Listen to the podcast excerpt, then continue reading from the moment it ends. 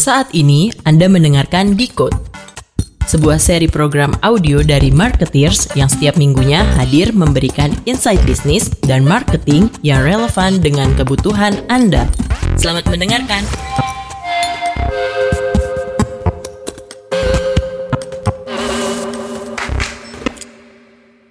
Good marketing, great insight anytime. Hai marketers, jumpa lagi bersama saya Ardan dalam podcast Decode by Marketeers. Dalam edisi work from home kali ini, kita bakalan ngebahas satu tema yang sangat krusial, yaitu adalah tentang pariwisata. Dan jauh di sana sudah ada Mas Habu. Halo Mas Habu. Halo. Gimana nih kabarnya?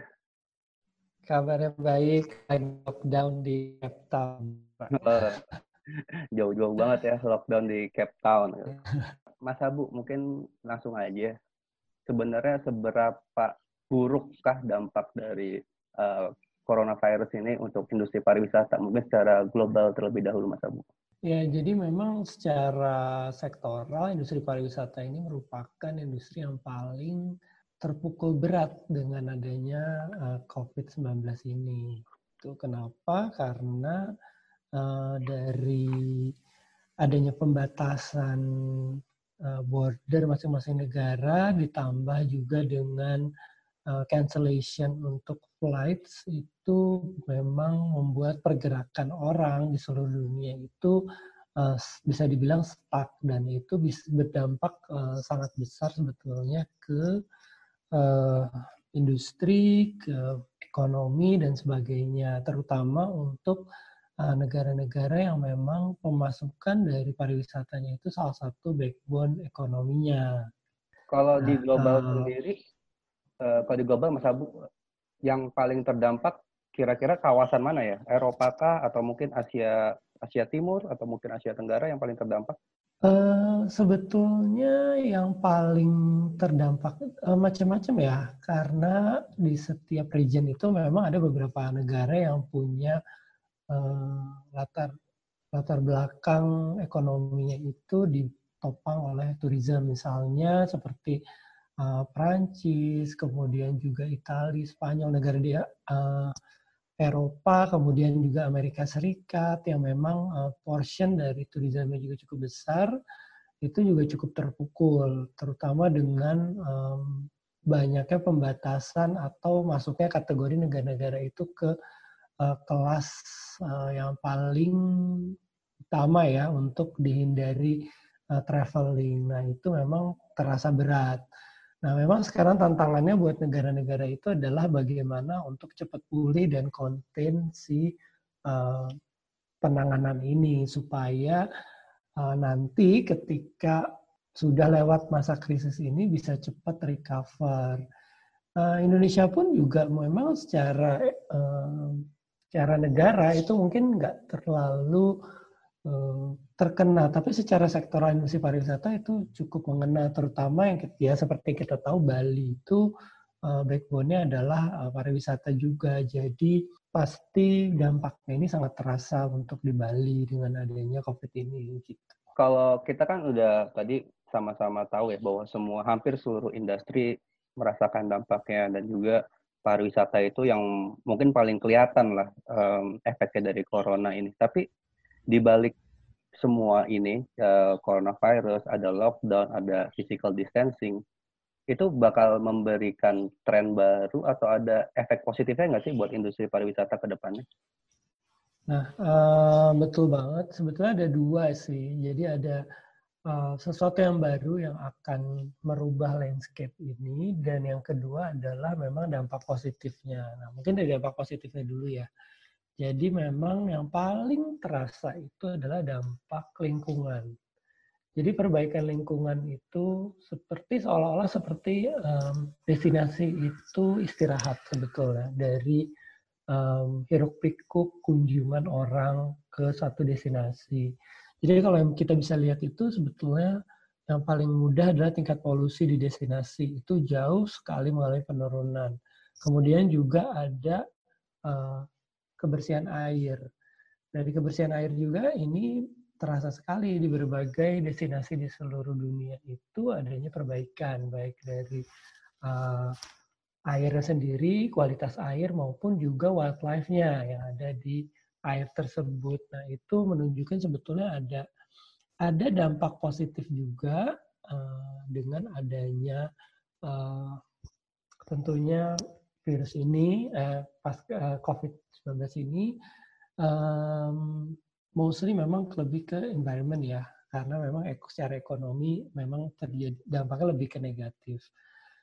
Dan kemudian nanti dari pasca COVID ini eh, saya sendiri sebagai bagian dari market tourism juga kita merasa dan memprediksi memang ada landscape baru di mana orang tidak hanya melihat dari uh, uniqueness dari attractionnya sendiri, tapi bagaimana kesiapan dari satu destinasi itu mempersiapkan safety and security, di mana health itu menjadi uh, sangat penting. Jadi destinasi-destinasi ini nanti akan kedapatan segmen-segmen orang-orang yang lebih health conscious.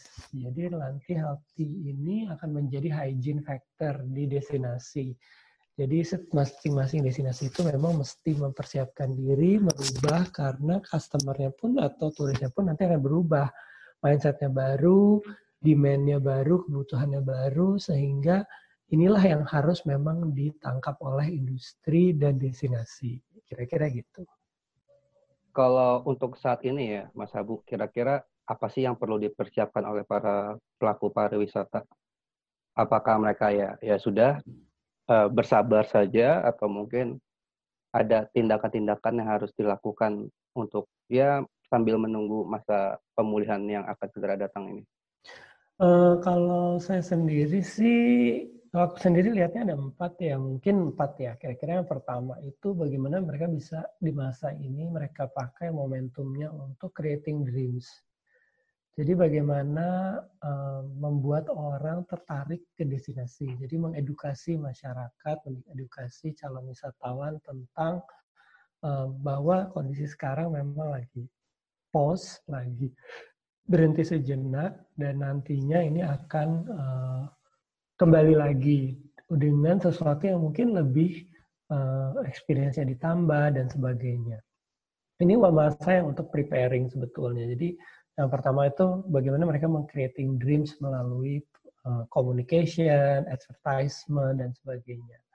Yang kedua adalah uh, meng-increase curiosity dari orang-orang. Gitu. Ketika once mereka melihat uh, destinasi yang kita promote untuk post-COVID ini, bagaimana mereka juga tetap ada presence terutama secara online karena kita tidak bisa ketemu secara offline sekarang ini. Jadi bagaimana secara on, online ini bisa mereka presence-nya hadir ketika mereka orang-orang ini mau tanya-tanya, mau cari tahu lebih jauh. Nah, ini masa untuk meningkatkan uh, kedalaman atau engagement antara destinasi dengan calon wisatawannya. Jadi mengincrease curiosity dari calon wisatawan.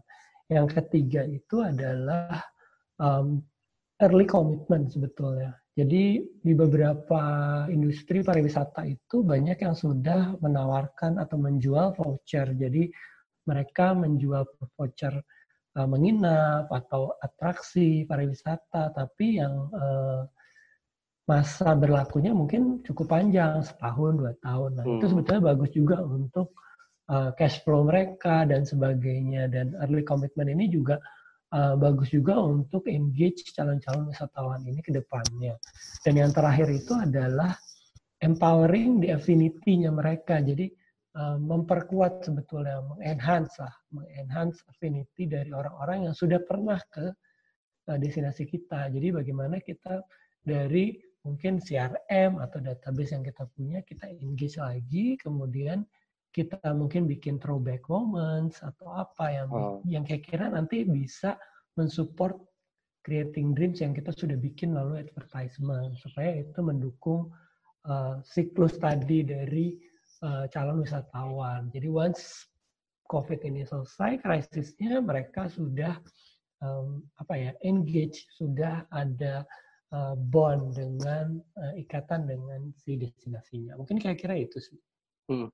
Eh, kalau dari Mas Habu sendiri mungkin berbicara dengan para pelaku di industri pariwisata, kira-kira mereka memprediksi kapan nih Mas situasi bisa diperkirakan akan mulai membaik? Apakah nanti mulai di kuartal 3 atau mungkin malah malah malah di awal-awal kuartal 4 jelang akhir tahun? Jadi memang ada uh, sering kali ada tiga skenario. Jadi skenario uh, optimistik, most likely, dan pesimistik. Jadi ada yang bilang itu Q3, Q4, dan Q1 sebetulnya di 2021. Jadi kalau optimistiknya memang di Q3. Jadi di Q2 ini kita memang lagi semua lagi sedang lockdown, banyak uh, flattening the curve initiatives yang dilakukan masing-masing negara. Nah, harapannya di Q3 itu nanti sudah mulai ada recovery, mulai ada pergerakan cross border itu mulai bisa terjadi, uh, negara-negara mulai membuka diri dan sebagainya. Cuman memang most likely juga ada yang bilang akan benar-benar bisa dilakukan itu ketika nanti mulai mau memasuki Q4. Hmm. Dan kalau ada next wave sebetulnya yang yang ditakuti, nah itu akan bisa jadi sampai ke akhir tahun gitu. Jadi um, intinya di kapan pun itu terjadi atau dilakukan atau uh, bisa recover itu kita tetap harus sudah siap sudah ready once itu selesai kita bisa langsung uh, mulai lagi dengan uh, strategi yang baru untuk customer dengan perilaku yang baru. Oke, jadi intinya ya apa pun yang terjadi harus tetap optimistis dan juga mempersiapkan untuk hal-hal berikutnya ya Mas ya. Betul sekali. Nah. Uh, Oke, okay, Mas Abu, itu dulu percakapan kita hari ini. Okay. kita bakalan ngobrolin lagi nih tentang industri pariwisata di episode-episode berikutnya. Ya. Jadi marketeers okay. itu dia bincang-bincang kita dengan Mas Abu uh, tentang industri pariwisata di secara global dan juga di Indonesia terkait dengan pandemi uh, virus corona yang sedang terjadi saat ini. Uh, nantikan terus episode-episode kita berikutnya dengan insight-insight menarik lainnya. Sampai jumpa di pertemuan selanjutnya. Bye. Terima kasih sudah mendengarkan seri podcast ini. Untuk insight mendalam lainnya, silakan dengarkan konten podcast kami yang lain, atau Anda bisa berkunjung ke kanal YouTube kami di Marketeers TV, situs kami marketeers.com, dan membaca majalah bulanan kami. Selamat menikmati dan sampai jumpa.